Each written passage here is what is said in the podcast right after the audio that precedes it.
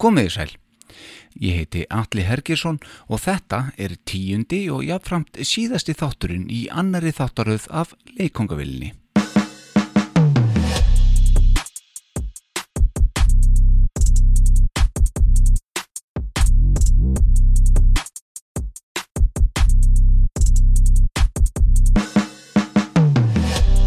Í síðasta þætti ringdu við til Kanada. Við ringdum til útlanda og við gerum það aftur í dag. Og núna allalegina til Vegas í Nevada fylki í bandaríkjónum. Það er Estrella Dam, letul, sem býður þér upp á leikongavillina. Í þætti númið tvö í þessari annari þáttaröð hittu við forseta Kiss Army Æsland. Hann heiðar Aðaldal Jónsson en hann var einn af þeim sem stóð fyrir því að fá Bruce Kulick fyrir um gítarleikara Kiss til Íslands árið 2014 þar sem Bruce tróði upp með íslensku Kiss coversveitinni Make á spott í Kópavogi. Í dag gerum við betur og heyrum í sjálfum Bruce Kulick en hann er einmitt gestur minn í dag. Bruce tók við sólógítarnum í Kiss árið 1984 og held þeirri stöðu til ársins 1996 í 12 ár og spilaði inn á heilar 6 stúdioplötur með bandinu á samt svo liveplötunum Alive 3 og MTV Unplugged á samt fleirum. Við förum hér yfir feril hans með hljómsettinni Kiss í léttu símaspjalli sem ég átti við þessa góðsarnakendu gítarhetjum. Heyrum tóndæmi þar sem okkar maður kemur við sögum og nokkur af hans ótal mörgur riffum og gítarsóluðum. Góður hálsar, ég færi ykkur Kulick úr hljómsettinni Kiss.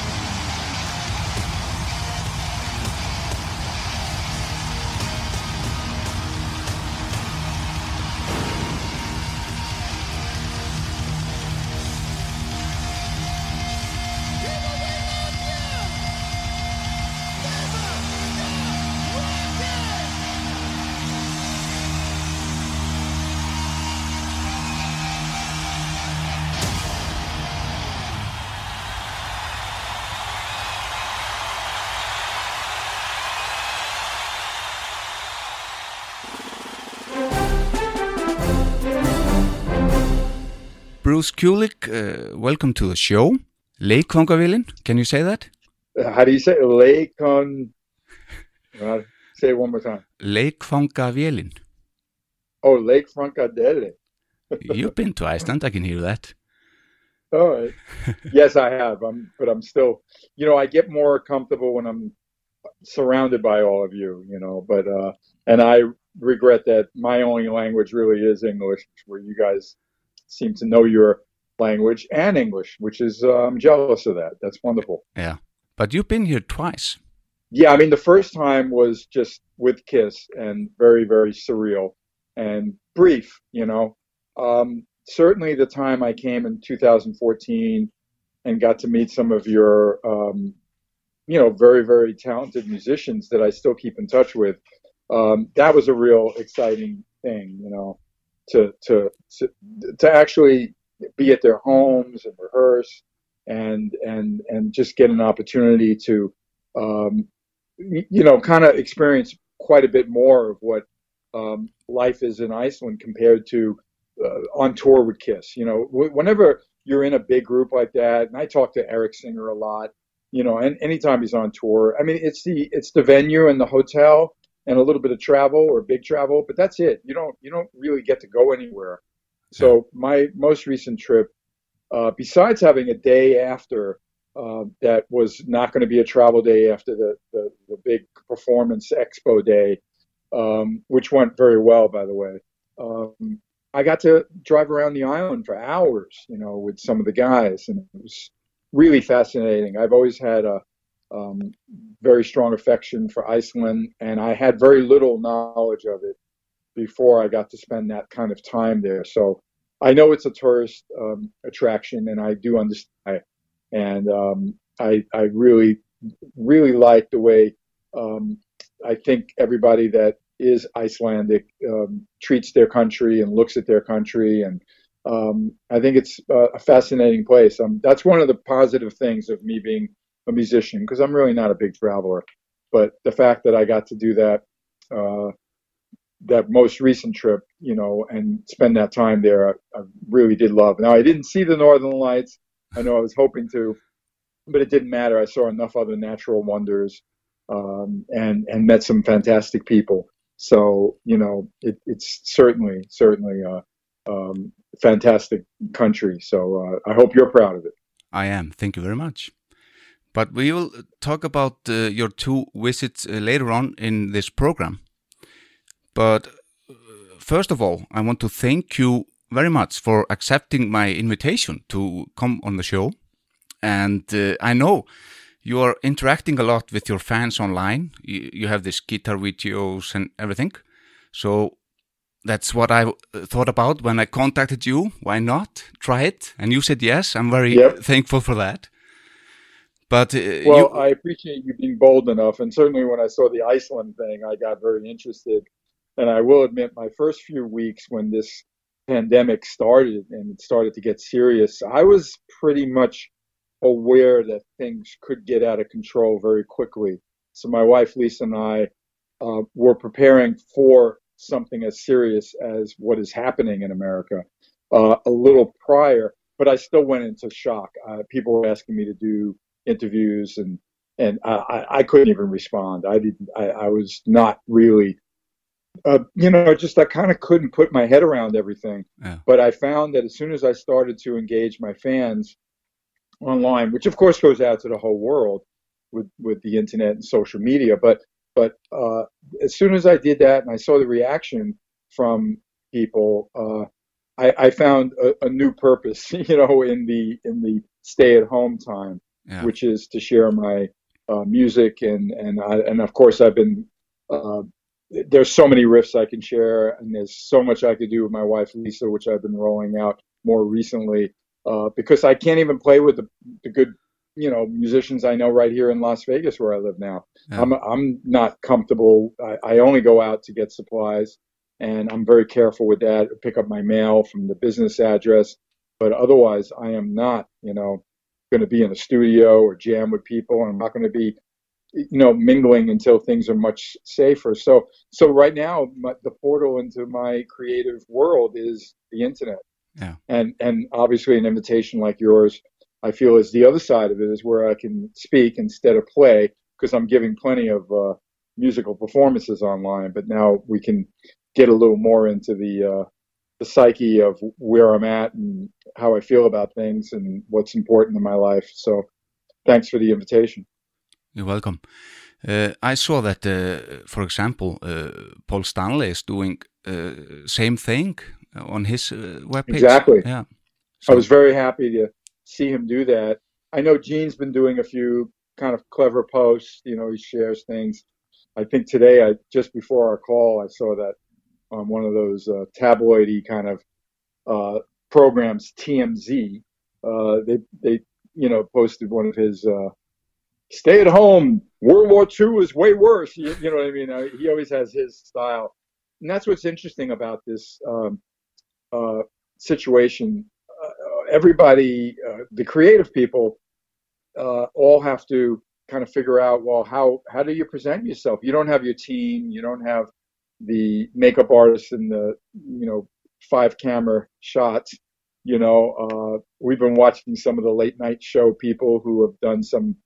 You know, uh, now they do it from their basement at their home. You know, it's pretty interesting. I mean, in some ways, this uh, virus is the uh, the great equalizer when it comes to how everybody can share their uh, uh, videos, and, and, you know the production can't be too amazing, you know. Yeah. But it doesn't matter if the, if the heart and the soul is there, if the intention is sincere, and the and you're getting that glimpse into uh, an artist that you admire or someone that makes you laugh, or it doesn't matter if it's a comedian or commentary commentary guy from a television show. It's still entertaining, you know. and It doesn't have to be glossy and fancy to uh, to make the people, uh, you know, to bring them into it. Yeah. So, uh, I mean, I'm doing my best with Lisa to, to be sure she films me in the best light, and then when we do ours, we set up the tripod and try to sound good and look look respectful, you know. But um, I, I I like that uh, Oprah even doesn't have it over us, if you get what I'm saying, with what I can post. You know, I think, I think she's a millionaire, a billionaire, or something. Like Yeah, that. exactly. Yeah. But uh, Yeah. you, you mentioned you live in Vegas. Yes. Why is that? You were born and ra- born and raised in, in New York, Brooklyn, New York, aren't you? Yes, I well, I moved out to LA back in about '86, the end of '86, and Gene already lived uh, in LA, and Paul was moving there, and the, then of course the band became more LA based, and I got I got kind of tired of LA. I wanted to leave earlier. It was just getting too crowded.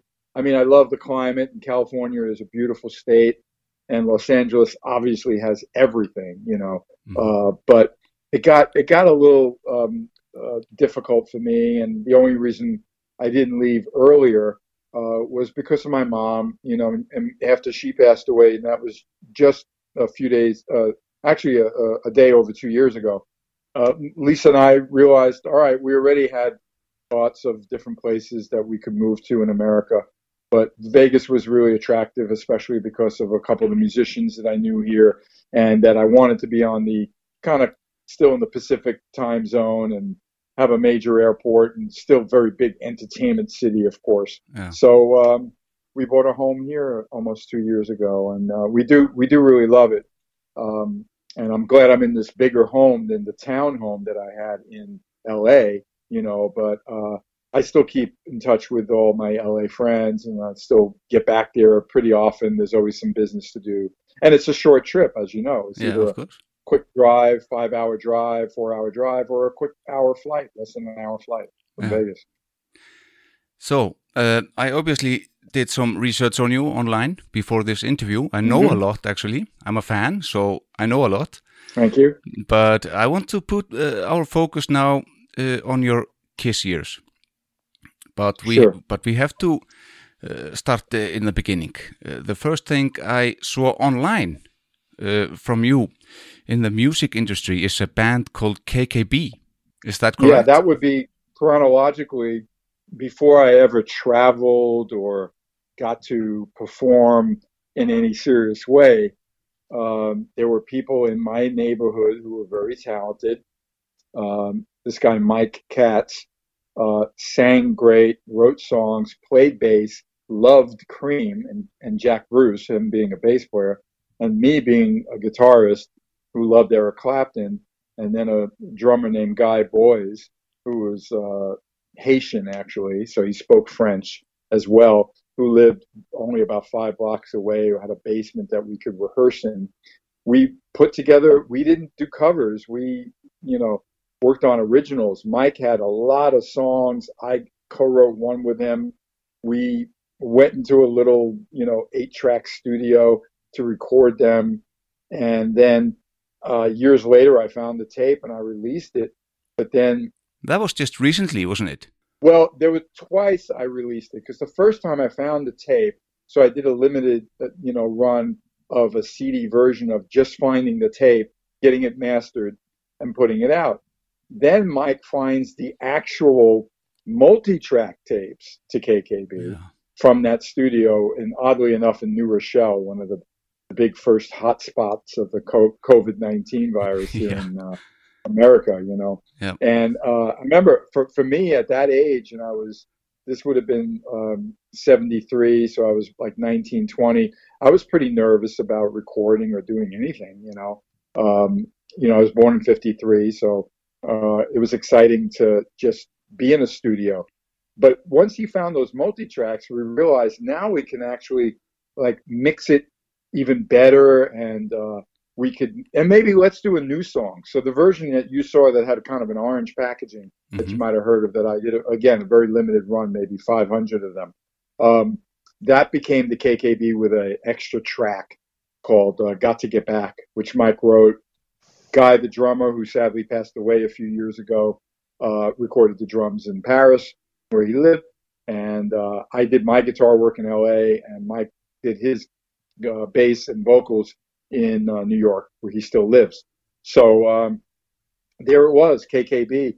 We never gigged, we never went went anywhere, you know. But the magic was my playing is not that different from so many years later, and those early kind of things that you may hear from any uh, musician that that you admire. It's really interesting that you can hear like the majority of what they're capable of from some of their earliest recordings. You know, so I was proud of it. It was different. It was a little progressive. The music was was not just straight ahead rock, but I still get off on hearing it. And you know, we didn't punch in or anything. They were like like live in the studio, which is pretty remarkable. Yeah, So I was proud to put that out. great. Uh, one thing I did not know about you, uh, being a fan, I, I'm uh, quite surprised I didn't know it, but uh, you were in the touring band for Meatloaf uh, during the Bat Out Yes. of Hell in '77, uh, with along with your Right. brother, I believe, Yes, and and you were on Saturday Night Live and everything. yes, yes.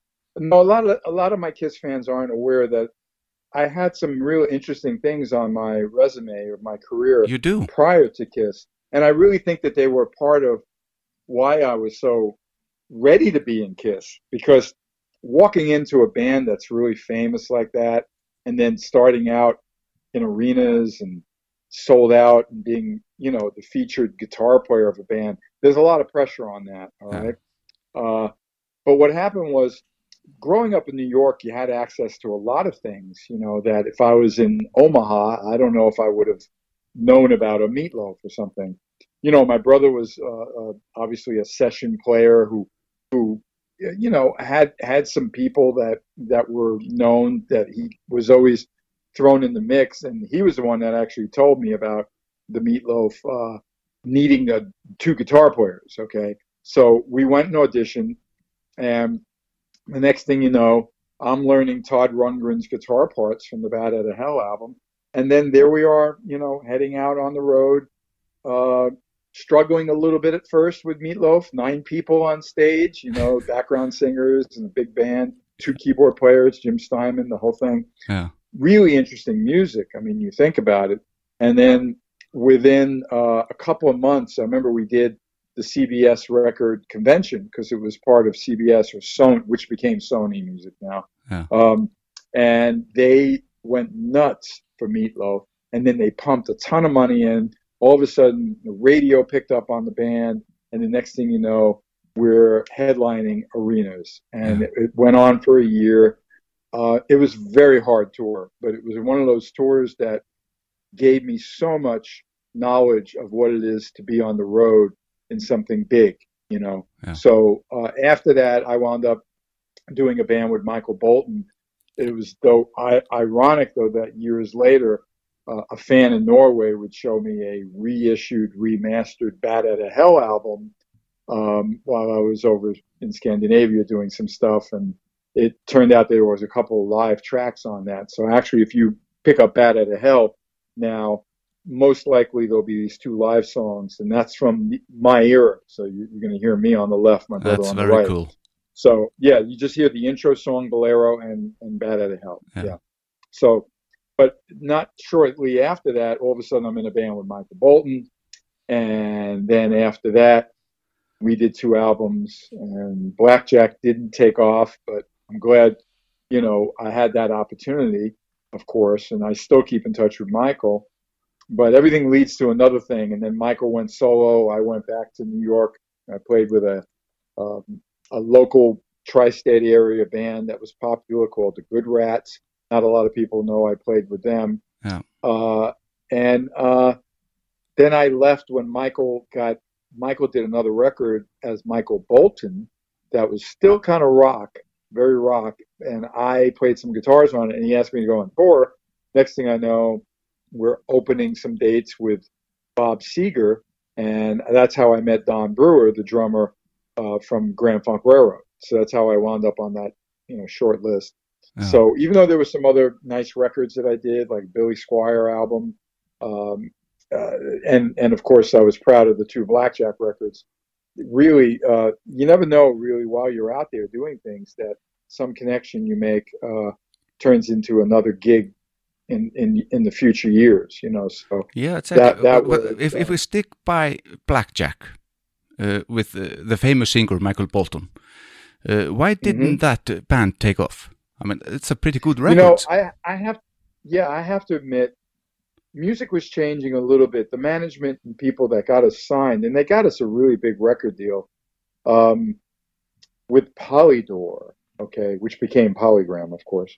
Yeah. And I remember they they got us a fantastic producer, Tom Dowd, very famous for working with Eric Clapton and and um, you know Ray Charles and so many famous Allman Brothers. He did live at you know Allman Brothers stuff and the Layla record for Clapton.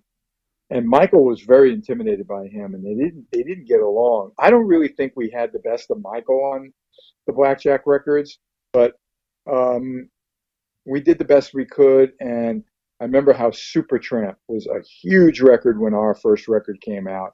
And even though we probably sold like a hundred thousand albums, you know, Supertramp was like double platinum. Mhm. And by the time we got to the second record, um, the label fell like kind of. Uh, I think they fired the guy that signed us. You know, the the the, the main guy.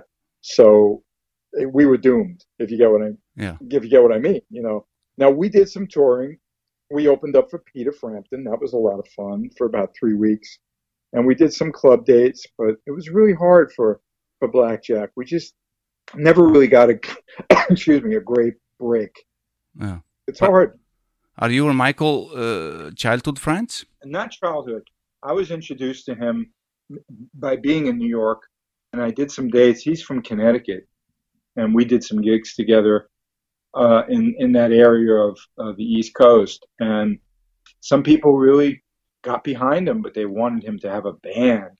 So that's how I got invited to work with him, which became Blackjack. Yeah. And um, we still stay in touch, which is great. Of course, he became, you know, an international star, but not from the rock and roll stuff. No. So I always feel, and we've discussed it. He's mentioned to me, I still, you know, get offers to do a rock record, and I'm really thinking about doing it. And you know, I'm going to call you. So I'm I'm always thinking like, oh, one day we might do a rock album together. Who knows, you know? But He had the look and Uh, everything b- b- back in the oh, yeah. Years. yeah, and actually that first album that he did as Michael Bolton, uh, that that kind of came out on in '83. I think he did one or two like that, and then he took the break, and then he came back as a much more um, you know, R and B pop singer. Yeah. You know, and he had the big hits, and everybody's mother fell in love with him. Yeah. You know what I mean? yeah, But Michael's always very, very uh, talented, very driven, very. Um, it was really an honor to to watch him grow as an artist too, and Yeah. become very, very successful. So from from wasn't it the Bolton until Bolton? right.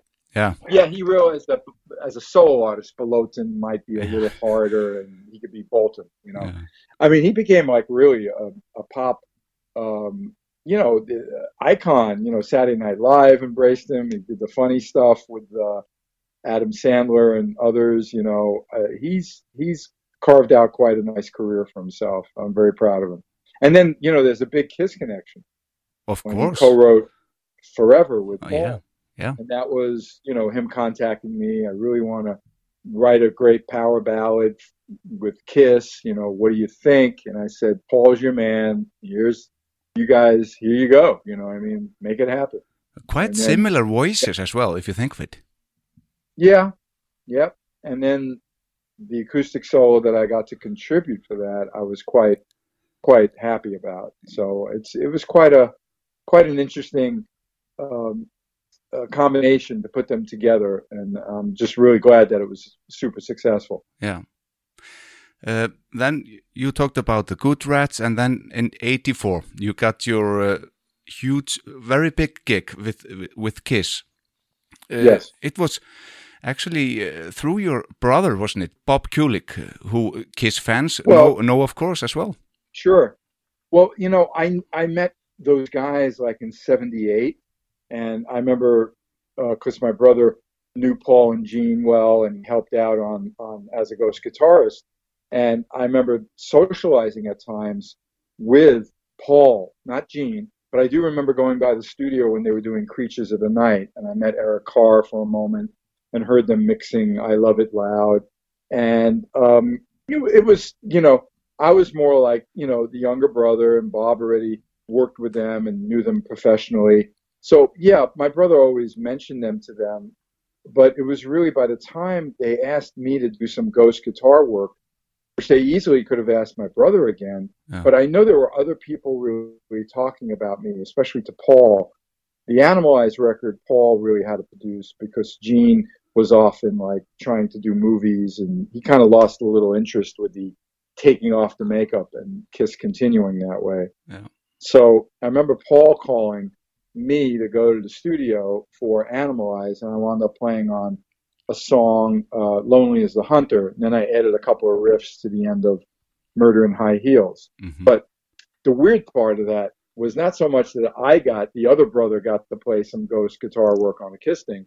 The weird part was him saying to me, uh, don't cut your hair before I left. And I was like, why is he saying that to me? Paul said that Paul said that to me. Yes, Uh, It- my hair was about shoulder length. During during that time. Yes, During that, uh, Mhm. at exactly this time, they had another guitar player, uh, Mark St. John. right.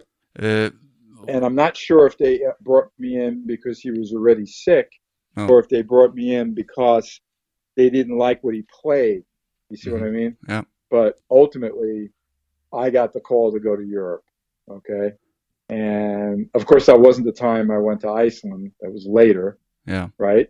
Yeah, Mhm. but uh, I did do the six weeks in Europe with them for the Animalize tour, and then we came back to America. By then, Lick It Up.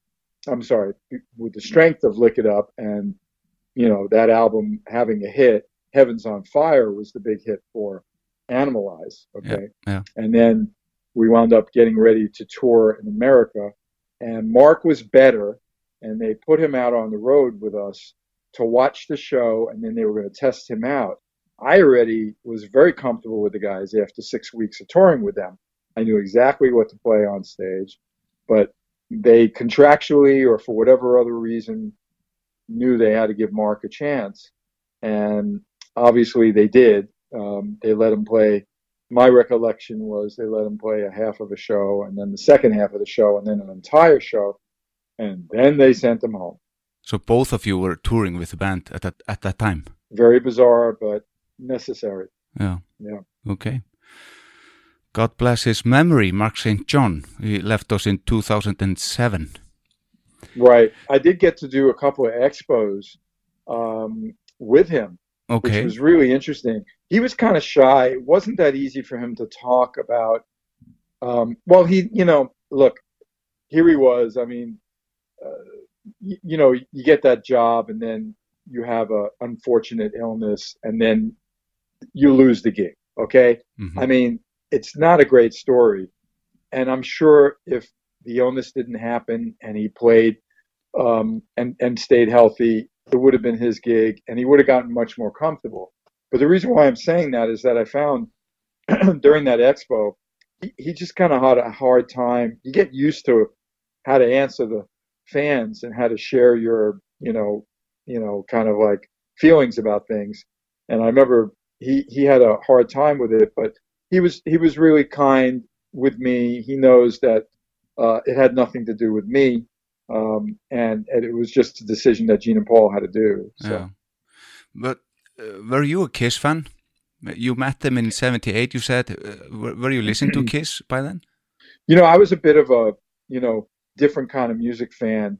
I was a little snobbier, loving like you know progressive groups and you know besides the Led Zeppelin and all the bands that influenced Kiss, I liked Yes and King Crimson and the Moody Blues and and for me, um, Kiss with the makeup seemed a little odd to me. But then I was very fortunate. Um, first, I finally heard the Destroyer record and really gave that a listen. I was like, wow, this is good, you know. And then I got to see them at the Garden, courtesy of Gene and Paul, of course. hmm And that was in 1978. I was very impressed because uh, they could play and entertain. It was very impressive, and that's when I would say more that I was, I got it.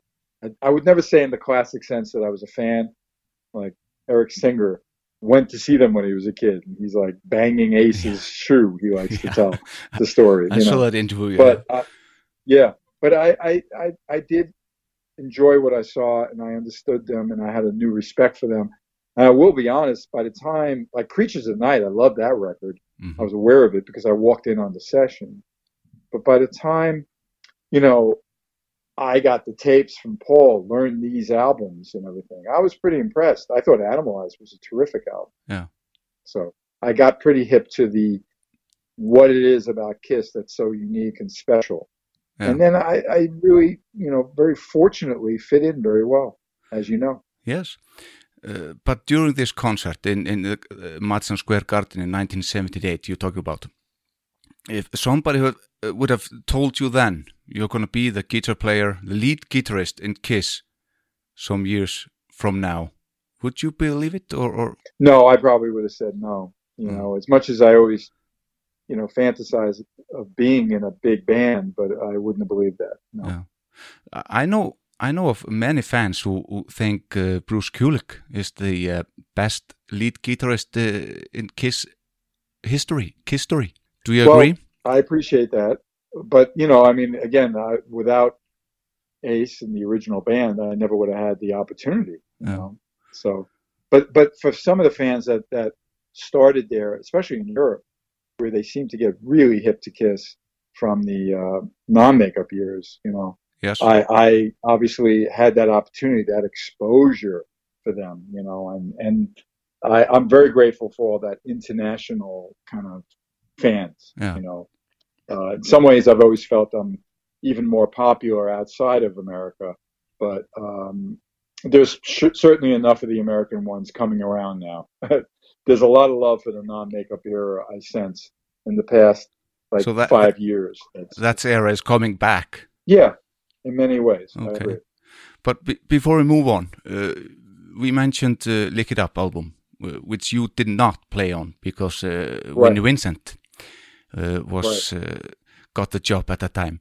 Uh, what uh, what is your opinion of uh, Vinnie Vincent? Well, first of all, for the Lick It Up album, I knew that first of all, they finally decided to hire um, Vinny, who could write songs and obviously played guitar very well. Um, didn't exactly look like them, but uh, I just thought it was pretty wild how they were ballsy enough to take off the makeup. Okay, so I took a lot of attention to the album, And I do think it was a really strong return to meat and potatoes, rock and roll kind of thing, which they continued on, you know, in my era for the Yeah. most part, you know.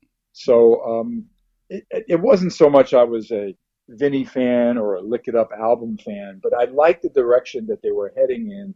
And I remember watching them take off the makeup. I was aware that Eric Carr walked in, but I didn't know Eric. I didn't know I'd be very close with him a few years after he joined. But um, I kept watching Kiss do the obvious moves, which meant they ran its course with the makeup, and it was time to take it off, and they did. Yeah. You know, and I think they did it successfully. They got a lot of press from it, and they put out a really solid record. And then, of course, they toured. It didn't do that well, but but Vinny uh, never quite signed the contract or whatever the story is, and and then they were off and running with looking for a new gu- guitarist, which turned into Mark St. John. Yeah.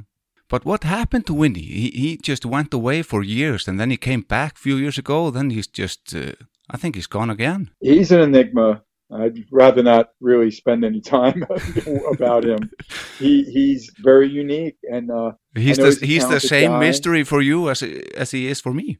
Yeah, I, I, I mean, there was one quote that got picked up that I gave Rolling Stone right around the uh, Hall of Fame year, you know, time when in 14, I think. hmm And I just said, he's like the Howard Hughes of Kiss, although he did come out of that retirement and created quite a splash. I was, I welcomed him reappearing and he's had some, you know, positive steps in that reappearance and then some, you know, of, uh, fallbacks, you know, where, you know, had to cancel an event or two, you know, whatever. But all in all, Vinny's going to have to be on the Vinny train and do his thing. And I, I think it's great for him to be out there as much as he'd like to be because he has his place in history. We all know that. Yep. And a great songwriter, as you mentioned. hmm Uh, so move on. Uh, 1985, uh, Asylum came out. It's the first album you played the full lead guitar. Right. And that album holds uh, songs like uh, Ooh All Night, King of the Mountain, Who Wants to Be Lonely, Tears Are Falling, which is uh, uh, that, that's the hit from the from that record, isn't it? Yeah. You know, honestly, um, when I'm looking back now, and in, in fact, you, you mentioned two songs that I just did acoustic with my wife that Okay. I've been posting. I just put up "Who Wants to Be Lonely." "Tears Are Falling" we have, and I'll be putting putting that up shortly too, within the next you know few days. Um, what a terrific record! You know, when I look back, for that to be my first full Kiss album, that's really something to be proud of. Um, you know, Paul was again mostly in charge. He was really um, he had the eye on on on the prize there, and um, he had some great songs. And uh, I got to contribute some songwriting too, which was great. Um, King of the Mountain is a fantastic opener. Mhm. I, I'm really very proud of the record, and I know a lot of people on the internet lately have been doing their like, you know, top ten of of Asylum. They've looked at it for a few other. They're going to be doing other records now too.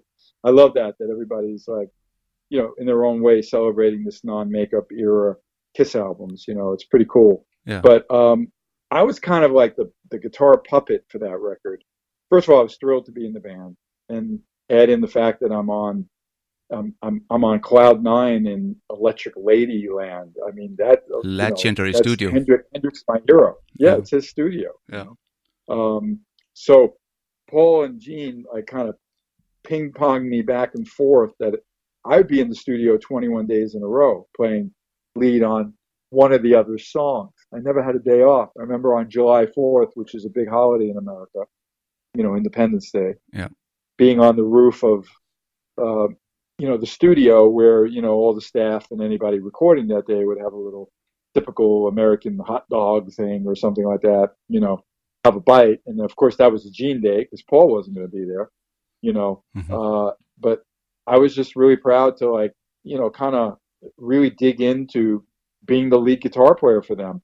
And in many ways, when I use the word puppet, I don't I don't mean that in a negative way. It's just, you know, Gene would have a point of view of what kind of leads he wanted and how to do it, and and that's why some of the leads on Asylum are so hard for me now first of all, it's so many years on. It's like what is it, thirty, almost thirty-five years, Uh-huh, right? yeah.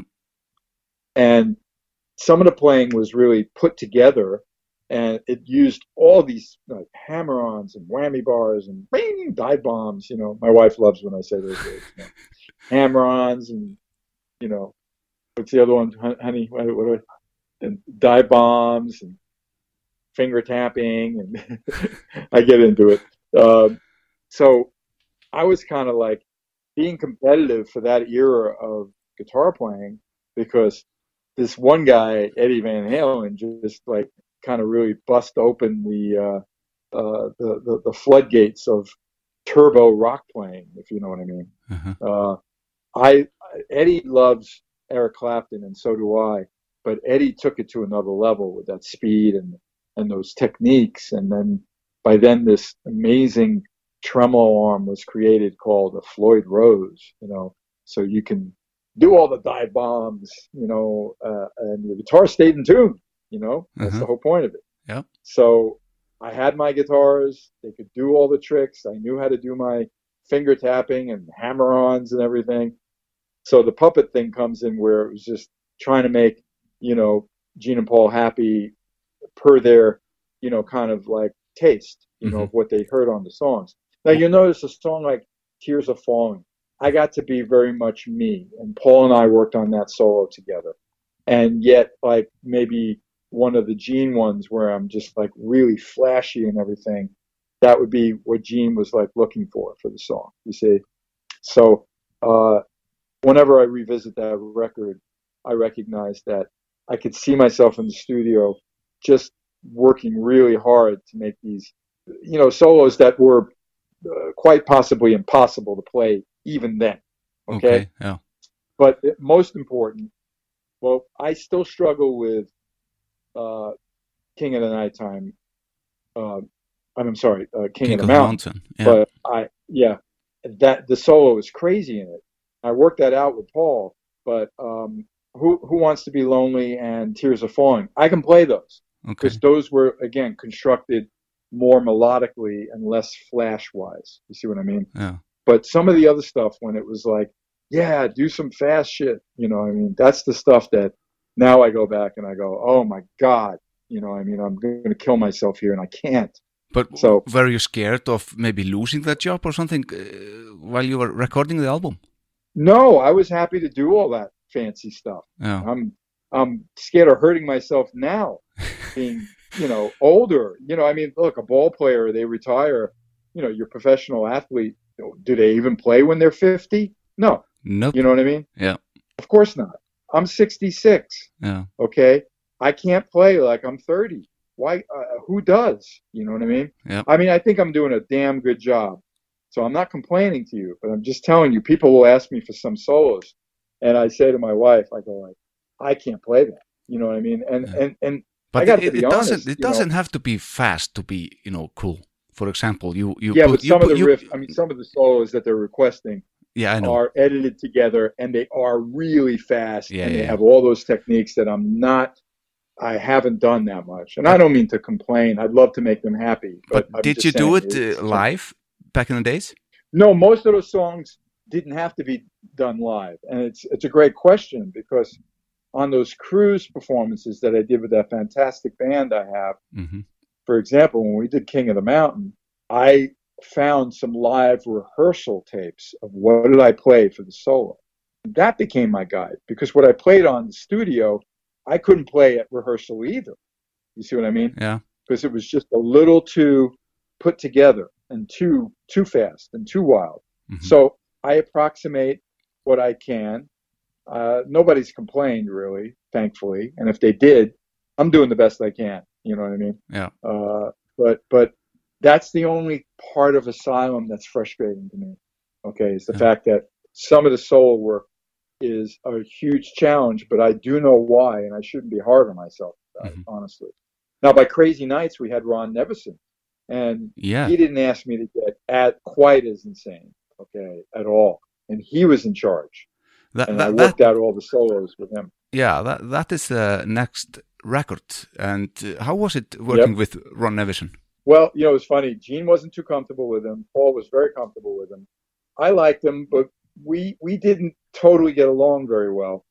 Uh, but You and Ron? you know, yeah, uh, there were times I would want to try something with the solo, and he would get a little testy with me. By then, I was in the band long enough that I had enough guts to say, you know, I wouldn't call it challenging him. I said, "Can I show you?" You know what I mean? He'd go like, "Yeah, you do it," and then I'd show him what I was talking about, and he'd go like, "Oh, okay. Well, why didn't you just explain that before?" You know, it was one of those. By the way, I've, I've run into Ron and we know each other, and he's been nothing but super respectful for me, and the same I feel to him. So no no hard feelings. No, not at all. he he he was uh, instrumental in in Gene and Paul actually taking care of me better financially and and seeing me as an important part of the band. So I Mhm. have much to be grateful to Nevison about. You know, uh, I remember Paul talking to me. Look, when Nevison gets like that, don't take it personally. That's the way he produces. You did the right thing, but don't take it personal. And that was really important to me for Paul to say that because Paul's having like this great relationship with him. But let's face it, Nevison knew that I did I wasn't signed to their label. Mhm. I'm the guitar player. Paul and Gene are Kiss. Okay. So he just has So to you be were- sure that You were a hired gun by then? yeah. Yeah. Yeah. And Ron knows. He he worked with enough of the Ozzys and the Hearts to know the pecking order, shall Mhm. we say. Yeah. You know, there's a word. So but but Nevison and I respected each other and and and Crazy Nights was uh that song was such an amazing hit. There was a lot of really fierce guitar playing on it that I'm very proud of, from No No No to the solo and Crazy Nights, you know Mhm. and then Reason to Live is on there. I, I covered that recently with Lisa on acoustic, which is not easy, but great song, great album, and and and bigger in in internationally and in Europe than in America. So Yeah. thank you. You're welcome. Yeah, yeah. But uh, there's one thing I noticed. Uh, you play bass in one song on that record, but you No, you do not. no, Okay, because I saw online that you play bass on Hell or High Water. That's No. not true.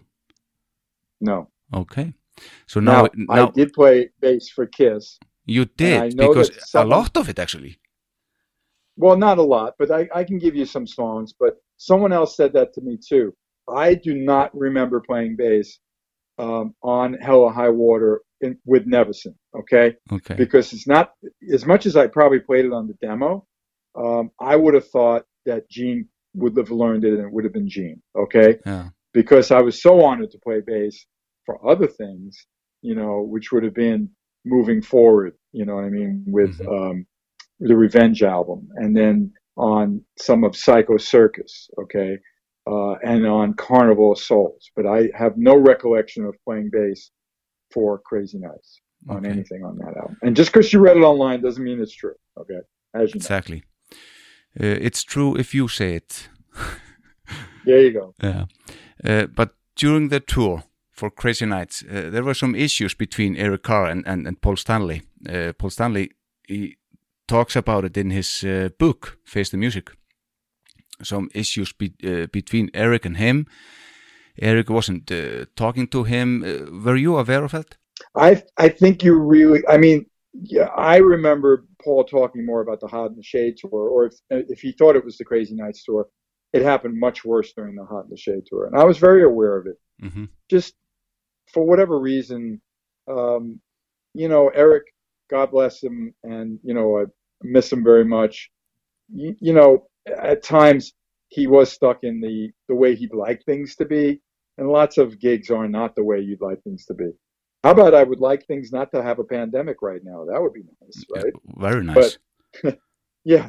Um, but this is what we have, and we have to deal with it. hmm So Eric, at times, uh, you know, you know, he got frustrated with some of the things happening with the band, song choices, or do a solo, don't play a drum solo, you know, stuff like that.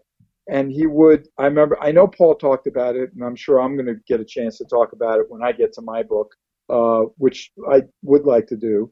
Um, and and uh, he he was upset with me too because I I didn't understand it. So he kind of lumped me in with them, and that kind of hurt me quite a bit because we were really close, you know. Yeah.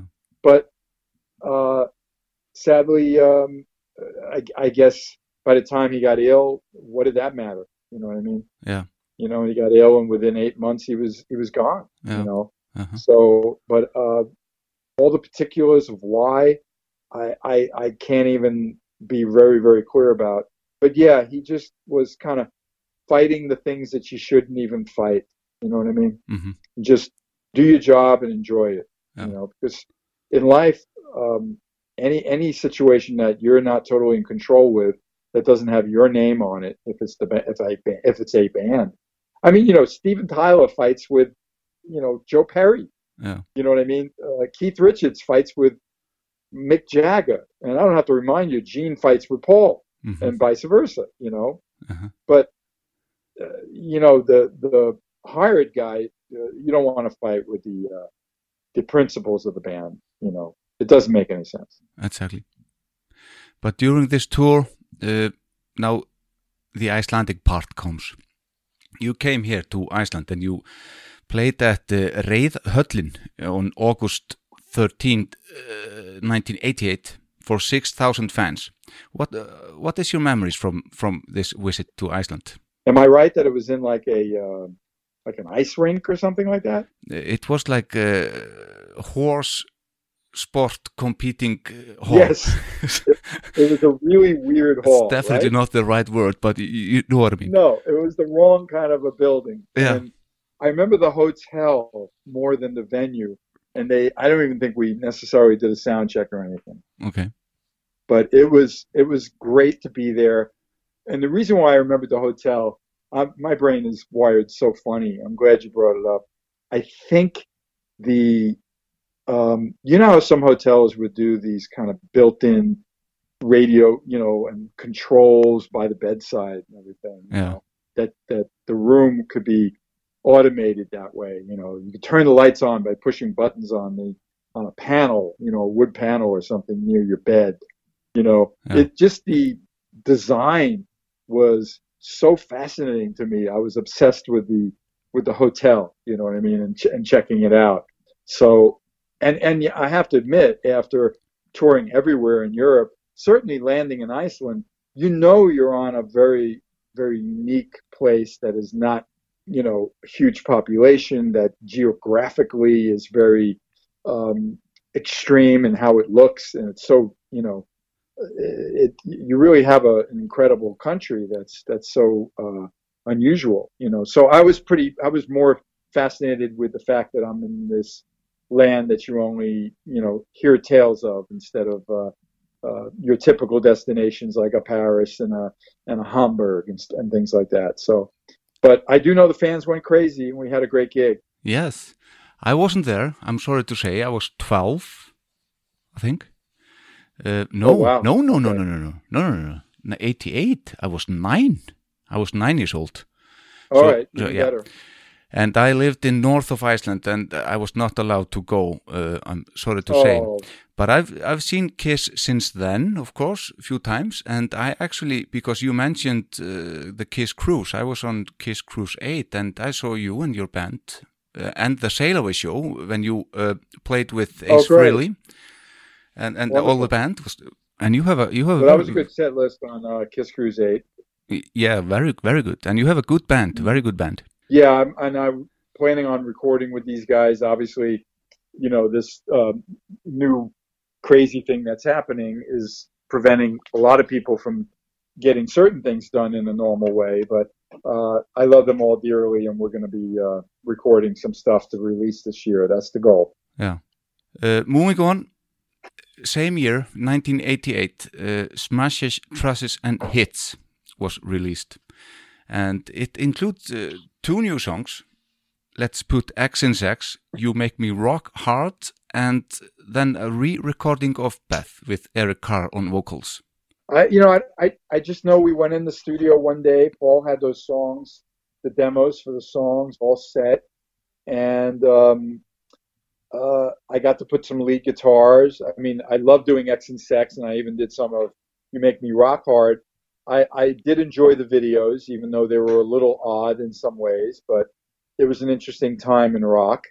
It, it Um, was the 80s. Gene kind of, what was that? It was the 80s. Yes, it was the 80s, the late 80s too. Yeah. Um, and and yeah, there was a little controversy, although I didn't get involved in anything that was too controversial because it wasn't my place. Mhm. You know, Eric Carr not feeling that comfortable about singing a Peter Criss song and and but He then he wanting he wa- him he to was not- because He was not comfortable. no, Okay. he was not comfortable doing it. No, I don't mean physically, emotionally comfortable. He he he felt a little weird about it. Yeah. You know hmm unfortunately, I mean, he can't tell the story, I, I think, but but he did it, and I know Paul produced him, and I think he did a great job. I mean, Eric Singer does a great job every night of uh, this, these these tours playing it. It's a beautiful song. It deserves to be in the set, you know. And every three of them, they have very similar voices as well. Yeah, you're right. They have a little rasp, and it, it is something. There's a common thread there. But Yeah. that record was more about being a, a greatest hits package Mhm. which by the way in Europe came out with more era songs from my era. I think Tears Are Falling and something else is on there where it's not on the American release of Smashes. Mhm. Another reason that I love my international fans so much, you know. Uh, I noticed that it, when product comes out from there of of Kiss, they'll put Crazy Nights first. You know what I mean? I'm like, yeah, you know what I mean. But if the American label put it out, you know, it, would- it would be something totally different and a makeup era song. Yeah, yeah. So, love you guys. And in 1989, uh, Hot in the Shade, it's the next album, and produced by Gene and Paul, I think. Uh, Yep. And there's some, uh, I would say, mega hit for, well, at least our uh, the fans in, in, in Europe forever, which includes your great solo, acoustic solo. Thank you. It's actually one of my favorite guitar solos uh, with the band Kiss. Did you see? I I posted it I did. recently. I did. Yeah, great. And I saw yesterday you posted the, the solo from Unholy, which is quite Yes. good as well. But uh, Yeah. a- all of these solos, I mean, you just you just get the guitar in your hands and you compose the solos. I mean, there you, you're no puppet anymore. Well, well, you know, each each of the solos that I like to think really uh, that stand out from my career with Kiss. I mean, they all really do um, the work that goes into them in the studio are not just like all of a sudden I go like record, press record, here you go. You know, I mean, there's always a process to make it, you know, something special. But once it's done, then that's the uh, there's your roadmap. You know what I mean? That's Mhm. that's that's the way to get to uh, the grocery store. You know what I mean? So I, I I am really proud of a couple of the things on Hot in the Shade stand out. Hide Your Heart. There's a lot of good stuff on that song, Mhm. and um, obviously the Forever track is is terrific. And I think I think there's um, so many uh, a lot a lot of favorites from different people. You know that they they'll say, "Oh, I love Silver Spoon. I love You Love Me to Hate You," and you, you know what I mean. Everyone's got a different song that they love from Hot in the Shade. You got to remember there's 15 tracks on it. Yeah, yeah. But, You know, for me, I'm going to pick up some of the highlights. I, I really do love, um, uh, you know, Forever and Hide Your Heart. Mhm. On the last year's cruise, I think we did some more stuff from Hot in the Shade that I hadn't done before. Street Giveth, and we went into uh, Read My Body, you know, and uh, Radar for Love. I think I don't know if we fooled around with that one or not, but you know what I mean. There's there's always stuff. Uh, you know, I, I actually have a better appreciation of the album uh, now than I did. You know, but I, I shouldn't forget Little Caesar though. I mean, that was really important Exactly.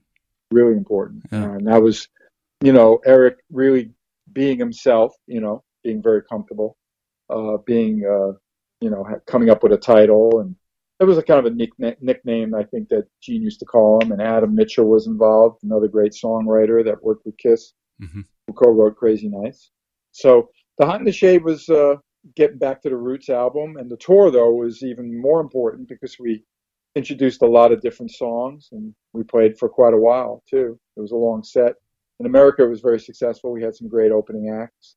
So uh, I have good memories of that. But then we had the tragedy of losing uh, Eric while we were getting ready to record Revenge, and, and actually during recording of Revenge, he Mhm. passed away. hmm It was uh, on November 24th, 1991, the same exact same day that uh, Freddie Mercury passed away. Yes, very odd. When uh, yeah, when Eric Carr dies from uh, heart cancer. Right. He was 41 years old, uh, same age as I am Yep. now. Uh, Okay. What can you tell me about him? Well, he was just a you know a wonderful guy, very talented, very funny. You know, he had certain, you know, kind of a lot of creative people have these moods, and and you know, I I never dwelled in that much because I just loved his humor and his talent, and we became very close actually because well we were the two hired guys in the band. Usually the hired guys will get together. Um, and what can I say? I still think about him and and I occasionally dream about him. And I'm a I'm a big fan of everything that Eric got involved in and played on. I helped him with his cartoon project, The Rockheads, hmm and um, you know I think of him pretty often. So he was a big big part of Kiss. He was great with the fans; they loved him, Yeah. and rightfully so. He he uh, and I think his legend will never be forgotten. There's so many fans that really love. Anytime I've put up anything about Eric, you know, fans go crazy. So mm-hmm. terrific guy. the Fox. Uh, during this time, there are two guys knocking on the door. We are talking about Eric Singer, who I believe Eric Carr was a bit afraid of uh, losing his job too. And then again, Tommy Thayer, the current guitarist for Kiss, he was uh, co-writing some songs for Hot in the Shades during this time. Yep. Why, why was that? Well, I was always used to other guys. Gene and Paul were always very open that if you were in that inner circle, which is something that Tommy was, because of Black 'n Blue and his relationship with Gene, that if uh, Tommy says, "Hey, I got an idea for a song," Gene, oh, come on up, let's write. Both of them were that way. You know, Paul wrote with a lot of different people too. Um, I never looked at either one. Uh, you, you should remember though that Eric Carr one time because Eric Singer played in Paul's solo band for that, you know, uh, tour that Paul did, you know, prophetically say, you're going to replace me in Kiss. But it wasn't like because he was alive and he replaced him. Mhm. You know what I mean? But I never felt that Tommy was going to take my place or something. I always felt that they'd go back and make up maybe, in which case it would be Ace, you know. But either way, um, those guys were um, both always circling around, but it was in a positive way. Uh, and we should get into Revenge because I know we've been talking quite a while. hmm Um, and that record, Bob Ezrin just, um, you know, came in and took control and really did a fantastic job. Uh, I, I felt, I felt that that Ezrin understood Gene and Paul, and he knew how to. Um, he really like kind of like tore me down and put me back together, and I learned so much from him because they really wanted my playing to, you know, get to another level on that record hmm and I have to admit, I felt uh, that they did help me do that. So I was very grateful for the opportunity to work with Ezrin, especially for that Revenge album. Really, he did a terrific job on it. But uh, during this time uh, and this record, Re Revenge, uh, you're getting quite heavy.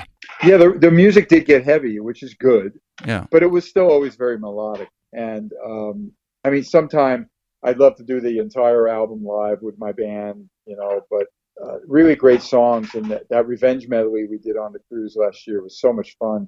Songs like Spit and even Paralyzed. And then, of course, you got I Just Wanna. And, you know, we didn't do God Gave because Kiss was doing God Gave, but such a killer song, Thou Shalt Not, Domino. Mhm. Th- There, you know, I know my wife and I just filmed. Uh, uh, we'll share every time I look at you. I know Paul did a version, so we want to wait a little bit. What a terrific song, Unholy. You know, just the whole record. Tough Love, which is my one co-write. Love all that stuff. Uh-huh. Heart of Chrome. I did a uh, isolated riff thing for Heart of Chrome solo that I'll share. Great stuff. Really, such a great record. And even Carr Jam, really cool. Love that album. That's a great tune Yeah. as well. And Yeah. you had the the big trouble guy back, Vinnie Vincent. He returns and and co-write some some of the tunes as well. Yeah, well, you got to remember that again. Those guys were happy to write with people that they felt were in that uh, circle of people they knew, hmm and it was funny. I saw Vinnie up at Gene's house, and I was kind of like, ugh. I didn't understand it. I didn't feel like he was taking my place. I just was like, all right, maybe he can write some great songs. But then I heard them like talking to him from the studio on the phone, and I could tell they were not happy with him. Okay. And I'm sure they were talking about publishing or business. You get what I'm saying? hmm So I was like, kind of, I have to admit, I was kind of like, well, that's why he's not going to replace me. Yeah. You know what I'm saying? Yeah. Yeah. But Then, what a great record, and uh, very proud of that album. And the tour was fantastic. It didn't do as big as we hoped, but it was a great, great time of of my my um, era with Kiss, because especially now we had the fresh blood of Eric Singer jumping in. They didn't make him have black hair, kept him blonde, and and we did a fantastic show, and that became Alive Three. yes, it's a classic Kiss album actually, and a lot of classic Kiss songs uh, on Revenge. And uh, as you said, then Kiss Alive 3 came out. And uh, a lot of of uh, of it was from uh, Revenge, of course. And you have have this heavy version of "I Was Made for Loving You," which is by far the best version, I would I would say. And Yep. uh, then, of course, uh, the Star Spangled Banner, which we heard earlier during this show. And you yes, actually, thank you for playing that. Yeah. thank you. and you actually, you you borrowed some uh, part of that uh, for Spit. Yeah, I threw that in spit. Yeah. Why not? Why not? Quite nice.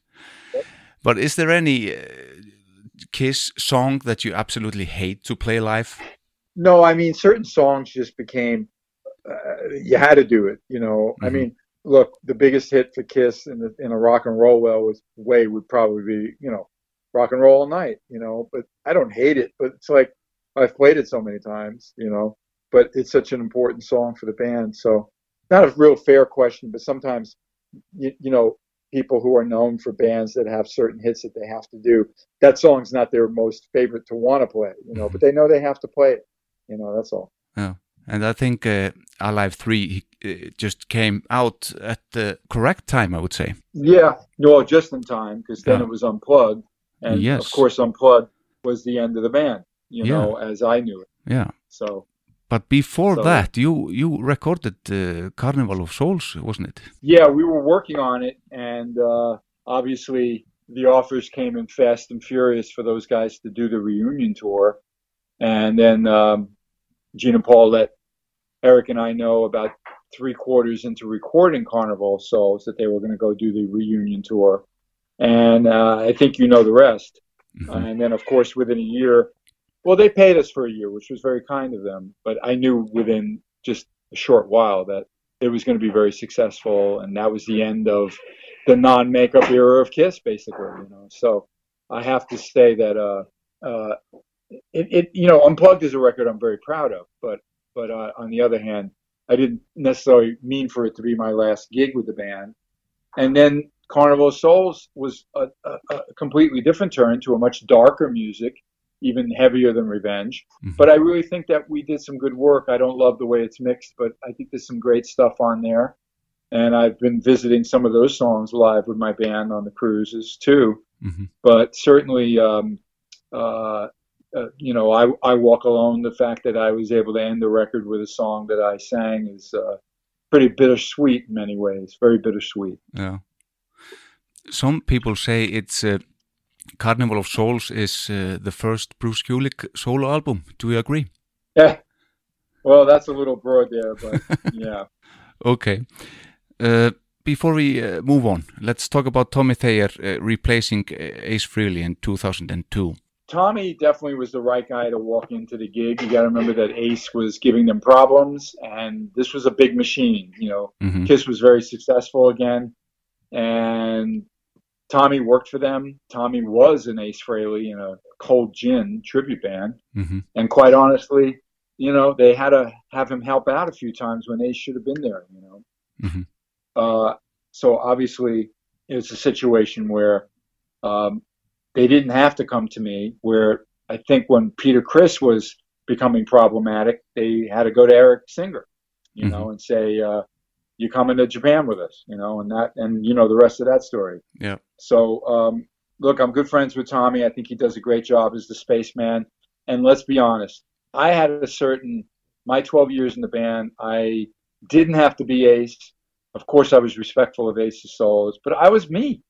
Yeah. And then if I jo- rejoined the band for the makeup tour, you know, to continuation of Kiss and makeup, I, I would not be Bruce Kulick anymore. I Mhm.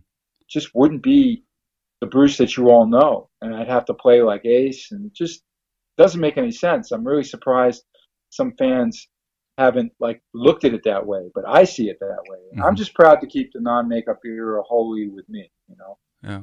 But y- your persona, if you had to choose one, Oh, I always laughed I'd be the dog. the dog. Well, there was a cat. Why not? Why not? Exactly. Okay, Bruce Kulick, thank you very much. Uh, before we wrap it, wrap this up, uh, we have to mention uh, you came to Iceland and you played with uh, the Icelandic cover band Make. Uh, how did you? Yes. How did you like that band? you know, I have, well, I have gone on record in saying that, you know, there's many times I can't afford necessarily the, the, the trip is too short. I, I don't have the budget to fly an entire band to some of the countries that I've gone. So there's many times that I'll pick up a band in South America or Australia. Most of the time, it, it's talented guys that I really do enjoy, you know, putting together, rehearsing a few times and putting together a show. But I have to admit that the guys in Iceland, they were all like super professional, um, successful musicians, and I was completely blown away. I have never heard a guitar army of. I think at times there were like four of us maybe playing guitar, and it was perfectly in tune. Mhm. Everybody playing exactly right. Really remarkable people. Very, very, very fortunate I had the opportunity to play with them, and we've become friends. And I, I, I very, very admire all of those guys. It it was terrific, really terrific. Great band, great guys. Great to hear. Uh, Bruce Kulick from Kiss, thank you very much to uh, take my call and be uh, a guest of uh, my show at Leikongaville. I hope to see you again in Iceland. Yes, I hope to come back too. And obviously, the world's got to get past this craziness, and then uh, I'm hoping to see a- all my fans. But I did want to mention for now, and obviously moving forward too, the best way to keep in touch is through my uh, official Facebook page and my Instagram, and my website is brucekulick.com. It's really each out and uh, see what's going on with Bruce and check out all the things that I've been posting. I've gotten um, a lot of pleasure in actually making my fans happy by by me sharing stuff. So please, please enjoy it all, and thank you so much for your time. Thank you, Bruce. And we will end it on I Walk Alone from Carnival of Souls. Wonderful, great. Okay. Thank you. Thank you.